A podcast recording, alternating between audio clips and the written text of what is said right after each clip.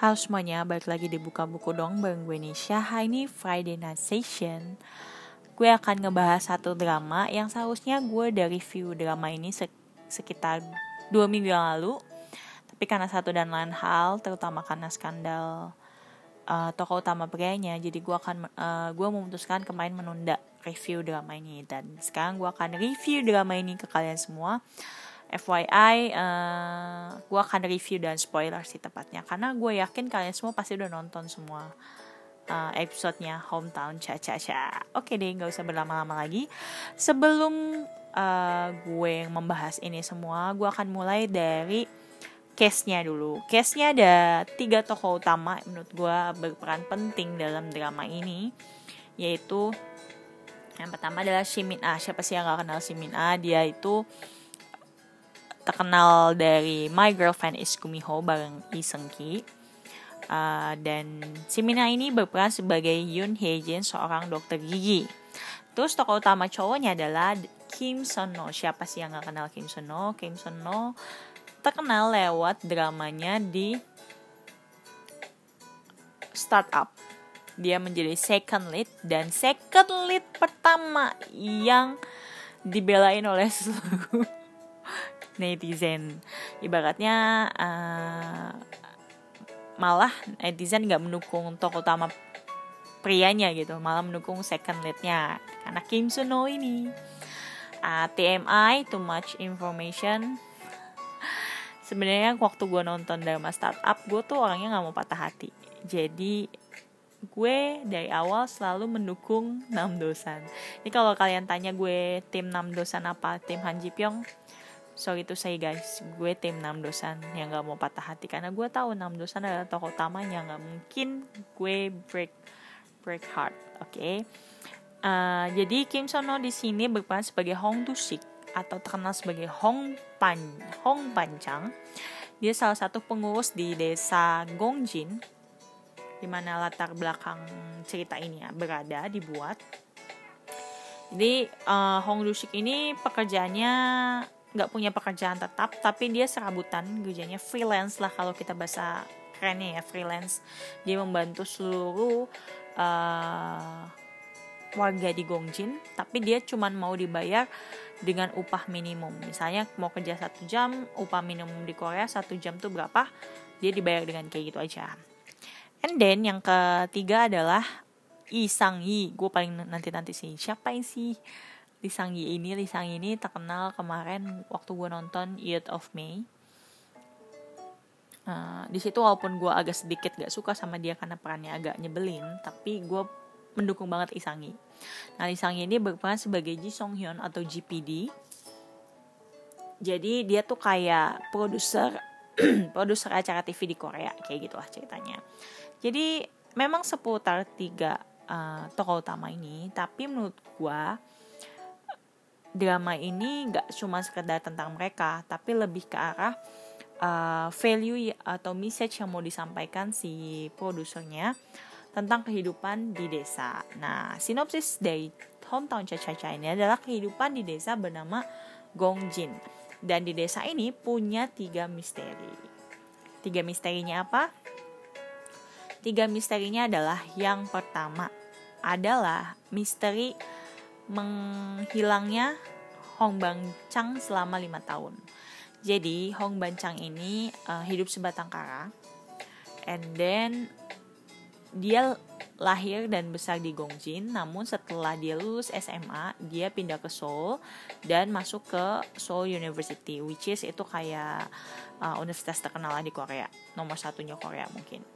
Terus hmm, setelah dia lulus dari university, dia punya kehidupan lima tahun yang tidak diketahui oleh siapa pun di desa Gongjin. Jadi para penduduk Gongjin nggak tahu nih selama lima tahun tersebut si Hong Pancang ini ngapain, nggak ada yang tahu. Itu misteri pertama di Gongjin.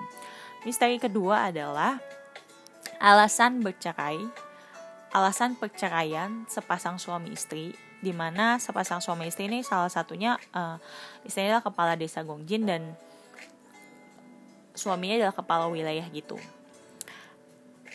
Jadi yang orang tahu tentang alasan perceraian mereka tuh bener-bener terlalu sepele untuk menjadi sebuah alasan. Dan jadi misteri banget kenapa sih mereka berdua ini bercerai. Dan yang ketiga adalah misteri siapa yang mendapat lotre di desa Gongjin.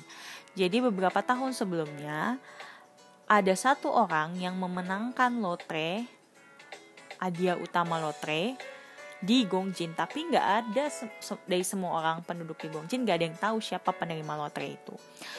Dari tiga misteri ini yang gue bisa tebak cuman yang pertama. Eh yang terakhir sorry. Yang terakhir. Itu siapa pemenang lotrenya. Gue udah nebak dari awal sih. Oh kayaknya dia nih walaupun sempat dipatahkan di akhir tapi ternyata emang benar gitu and then uh, untuk dua uh, dua misteri Gongjin lainnya nanti gue akan ceritakan di akhir-akhir ya. Jadi gue akan ngebahas tentang alasan gue nonton uh, Hometown Cha-Cha-Cha ini. Gue nonton Hometown Cha-Cha ini karena trailernya menggoda banget dan ini comebacknya Seno. Ya siapa sih yang gak menunggu-nunggu comebacknya Seno sebagai female lead, eh female lead, sebagai male lead gitu ya. Tapi jujur gue kasih rating home cha ini hometown cha cha cha tiga setengah per lima. Kenapa sih gue bisa ngasih kayak gitu? Karena jujur banget ini dramanya membosankan. Bahkan di dua episode pertama gue bisa bilang ke semua orang yang mau nonton hometown cha lu cukup hold apa ya tahan rasa membosankan itu di dua episode pertama. Karena setelah tiga tiga dan berikutnya itu mulai menarik. Tapi dua pertama itu bener-bener literally membosankan. Dan menurut gua apa ya penggambaran bukan penggambaran ya pengkondisian atau alur cerita di awalnya tuh kurang dapet banget menurut gue dan kesannya memaksa sehingga banyak yang bilang hometown caca-caca ini adalah FTV versi Korea kayak gitu. Lu tahu kan ya FTV Indonesia kan klise banget. Nah ini nih salah satu banyak adegan klisenya ya hometown caca-caca menurut gue alasan dua episode pertama alasan Yun Hye Jin atau si dokter giginya ini pindah ke desa Gongjin dari Seoul menurut gue kurang masuk akal dan maksa menurut gue. Tapi overall ya oke okay lah dan masih banyak sih yang bisa kita ambil karena untungnya hometown caca caca caca caca caca Hong Chai ini nggak terlalu seputar tentang Hyejin dan Dushik atau Hong Banjang. Dia masih banyak beberapa side story dari penduduk di Gongjin. Favorit gue nonton drama ini bukanlah tokoh utamanya guys. Malah melainkan side couple-nya yaitu Misonshi dan Encholsi. Misonshi ini adalah asisten dari Dr. Hyejin alias sahabatnya dia sendiri yang ikut pindah ke Gongjin Mison ini, Mison si ini tipenya adalah yang mudah jatuh cinta dan mudah mengekspresikan rasa cintanya. Nah, dia jatuh cinta sama Encholsi. Encholsi siapa? Encholsi itu salah satu polisi yang bertugas di daerah Gongjin. Dan Encholsi ini adalah tipe old school atau hmm, tipe yang masih memegang teguh prinsip-prinsip orang zaman dulu lah kayak gitu. Masih sederhana banget lah polos kalau kita bilang. Dan pasangannya menurut gue unyu-unyu sih. Karena di awal tuh apa ya unyu banget lah. Karena misalnya kan menunjukkan banget kalau dia suka sama Ancol tapi Ancol kayak malu-malu gitu.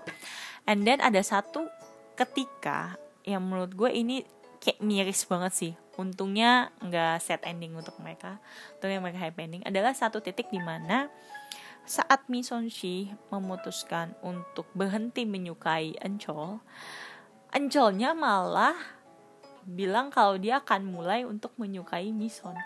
Ini kayak tragis sih sebenarnya, miris sih. Cuman untungnya ini happy ending. So, kalau kalian suka nonton uh, pasangan ini, Encholsi dan Mison sih, ya kita senang banget lah akhirnya mereka happy ending. Terus favorit kedua, couple favorit kedua gue adalah Ijun dan Bora. Yeay, siapa yang gak kenal yang nonton Homcha pasti tahu ya Ijun dan Bora Ijun tuh anak kecil ah, bukan anak kecil sih anak dari pasangan suami istri yang menjadi misteri legenda misteri di Gongjin uh, di mana Ijun ini orangnya smart terus pendiam lugu tegas kayak gitu ya. Terus dia punya temen cewek namanya Bora. Nih Bora ini nyentrik banget. Masih kecil tapi rambutnya pirang blonde dan bawel cerewet. Tapi entah kenapa mereka klop sih. Mereka cocok banget jadi sahabat yang sahabat sepantaran gitu menurut gue ya. Aduh gue kalau ngomongin Ijun sama Bora jadi senyum-senyum. Aduh mereka lucu banget soalnya. Nah balik lagi ke seputar tiga misteri yang terjadi di Gongjin.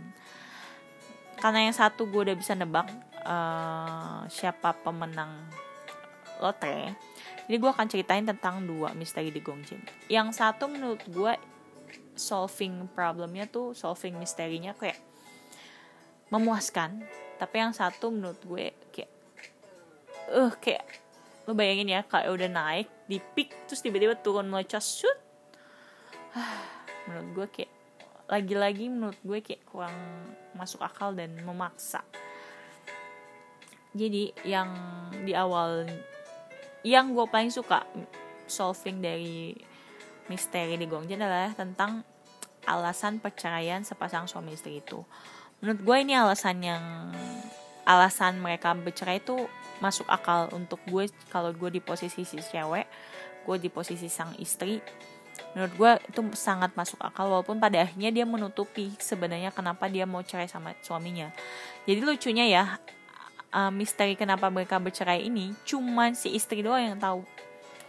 Seluruh warga di Gongjin termasuk suaminya nggak tahu alasan sesungguhnya mereka bercerai tapi ya karena suaminya juga nggak cinta bukan nggak cinta cinta amat sih belum sadar kalau dia cinta sama istrinya jadi dia pikir ya udah cerai cerai aja kayak gitu nah ini menurut gue satisfying karena endingnya pun bener-bener satisfying. Bahkan gue ikut nangis waktu Ijunnya pun nangis, anaknya tuh nangis ya saking terharunya orang tuanya. Kayak rukun balik gitu loh. Nah, pemecahan misteri Gongjin yang kedua alias misterinya si Hong Bancang menurut gue kayak lagi-lagi gue kecewa sih kamu alasan. Gue pikir tuh alasan apa ya alasan Hong Dusik. Jadi selama ini kita digambarin sebenarnya Hong Dusik tuh punya deep emotion yang nggak diketahui siapa pun. Misteri lima tahun yang hilang itu juga nggak diketahui siapa pun. Bahkan ada beberapa scene kayak si Hong Bancangnya itu sedang ikut terapi di psikiater gitu. Untuk mengatasi misalnya suka mimpi buruk ataupun suka ingat ingat hal-hal yang buruk kayak gitu. Nah ternyata oh ternyata kasus yang itu tuh nggak nggak seburuk yang kita kira gitu loh. Gue pikir dia kayak mungkin dia habis kebunuh orang mungkin dia nggak sengaja ngebunuh orang atau apa pun something yang deep bener-bener yang saking dia nggak mau semua orang tahu. Ternyata masalahnya ya begitu aja lah. Ya kalau kalian udah nonton ya kalian tahu lah masalahnya apa. So overall trailer yang menyenangkan itu yang menggoda banget. Yang tadi gue bilang menggoda banget itu seperti level editingnya ya. Level editing skillnya tuh bener-bener dewa. Padahal ternyata dramanya B aja. Jadi makanya gue tadi kasih rating tiga setengah per lima dan makanya pun gue menunda untuk review drama ini. Karena ini B aja. Jujur di akhir pun bahkan gue banyak skip dan bahkan gue tidak menamatkan dia langsung. Kayak biasa kan gue menggebu-gebu ya untuk menamatkan ini. Menamatkan drama tapi ini biasa aja. Dan ternyata ke ke juga sama ke blow up sama skandalnya Sono yang pada akhirnya Seno lagi-lagi menorehkan sebuah histori di di Korea setelah menjadi second lead pertama yang didukung oleh seluruh netizen dibanding melitnya jadi Seno meng kembali menorehkan histori kedua katanya adalah artis pertama yang apa ya yang bukan menantang sih kayak kayak menghilangkan cancel culture yang ada di Korea. Jadi kebiasaan di Korea itu ada sebuah kebiasaan sebenarnya culture ya diamnya adalah jika seseorang artis kena skandal itu bakal langsung kayak semua iklan diturunin uh, drama dibatalin tanpa kita harus dengar apa ya kejelasan dari berita tersebut. Kadang kan ya berita juga namanya sering salah ya namanya infotainment gitu kan. Dan ternyata Sunho membuktikan ini. Walaupun awalnya banyak iklan dia yang di take down tapi pada akhirnya banyak iklan juga yang dikembalikan dan Sunho pun bahkan masih tetap eksis untuk uh, membintangi film berikutnya loh. Ini satu mujizat yang pernah gue ceritain. Satu mujizat tentang Suno and then jadi Suno ini banyak menorehkan histori di uh, perfilman Korea ternyata di industri hiburan Korea. So Hmm, terlepas dari itu semua ya Homcha berdiri sendiri tanpa skandalnya Sunho jadi menurut gue kita nggak bisa menilai Homcha uh, dengan skandalnya Sunho itu adalah satu kesatuan. Tapi ya kita cukup menghargai aktingnya Sunho di Homcha dan aktingnya si Mina di Hongcha dan aktingnya Isangyi di Hong Homcha kita cukup menghargai mereka aja. Dan menurut gue ya Homcha it's just for fun. Message-nya banyak tapi menurut gue juga nggak terlalu deep deep banget. Nggak sampai yang membuat gue untuk oh ngena gitu loh. Kayak misalnya hospital playlist atau drama-drama sebelumnya yang underrated. Tapi Homcha ya famous but it's not good as it is gitu loh. Kayak nggak terlalu bagus lah menurut gue. So it's um it's my opinion. So kalau kalian yang bilang home chai itu bagus it's okay. Gue juga menghargai dan semoga gue bisa review drama-drama berikutnya dengan lebih baik dan gak sabar sih. Gue minggu depan kayak bakal uh, review drama baru. So sekian dari gue. See you next time. Bye bye